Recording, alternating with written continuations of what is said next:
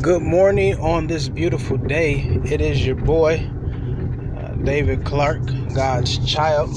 It's been such a long time since I have posted a podcast, and um, for various reasons, but nevertheless, um, I just simply want to get on for a moment, being led by the Spirit to encourage someone out there, um, and just want to tell you that um, this was marinating in my spirit earlier this morning, and I posted it on uh, social media outlets, but I thought I would get on and uh, further elaborate.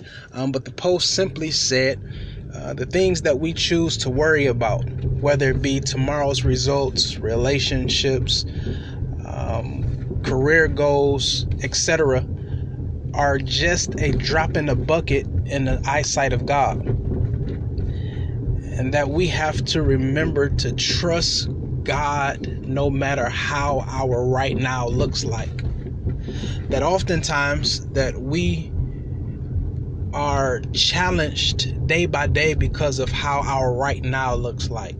We may not have exceeded the expectations in which we've set for ourselves.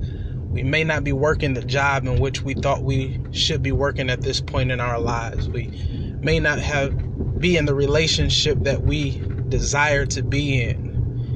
You thought you may have uh, been married and had the white picket fence with the family and the dog and whatnot, but at this point in your life, you, your life does not look nothing as you have dreamed it. You may not uh, be where you want to be as far as your career. You may have uh, thought you would be at a better pay grade by now but I simply want to let you know those things in which we worry about, we stress about, those things that we allow to uh, give us anxiety and depression are minor in the eyesight of God. And why is that important? That is important because we have to understand that God is the author and the finisher of our faith.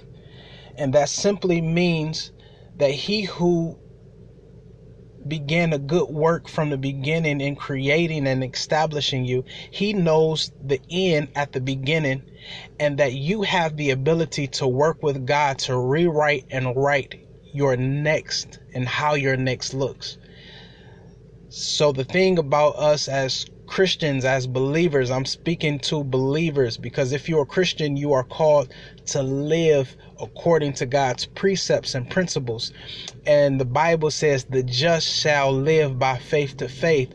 That even when your right now does not look like it, you think it should look, maybe it is challenging you to increase in your faith. Now, the Bible says that faith is the substance of things hoped for, the evidence of things unseen. And what that simply means is that when you understand what faith is, you understand how powerful faith can be and how it is ne- needed in order for you to create the life in which you need. And what faith is simply is, uh, you have to understand that faith allows that which is seen to come from a realm that was spiritual but yet it connected to materialization. What does that mean? Did I say a lot of things? I said a lot in that little sentence. That everything that you see before your eyes came from a place where it was conceived in the spirit. When you look out amongst you and you see things that are, it came from a place that it once did not exist but because someone had the faith, someone had the ingenuity and cre- creativity, they began to believe God so much so in the things that were not to the point where God was able to birth something tangible. That business, that car that is driving, that you're driving, that light bulb, that airplane, all of those things came from a place that once upon a time ago did not exist.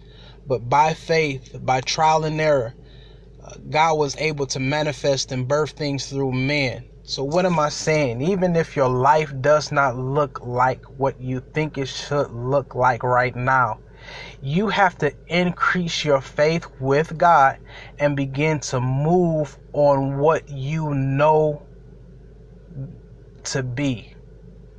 If you're not in the relationship you think you should be in, make a move. You have to be the person that you want to attract.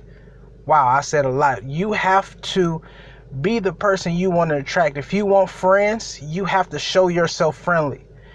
If you want a husband, a wife, you have to be the material in which draws a husband and a wife. And I'm not saying you have to settle. Don't settle. I believe that God has exactly what you desire when you are obedient to Him and you live by His precepts and His principles. I can't stress that enough you want to increase salary, you have to put forth the effort and ask the right questions, seek the right mentors, get around the right crowds, put yourself in the right social settings, begin to read the right books, um, do the right things in order to achieve that which you think you deserve or that in which you desire. So if your life does not look like what it it looks like, you have to do some reevaluating go to the drawing board, strategize, pray, have faith, and make a move. Faith without works is dead. You can't expect something to manifest and to come forth without you having putting forth the effort, the ambition, and taking the next step in the right area.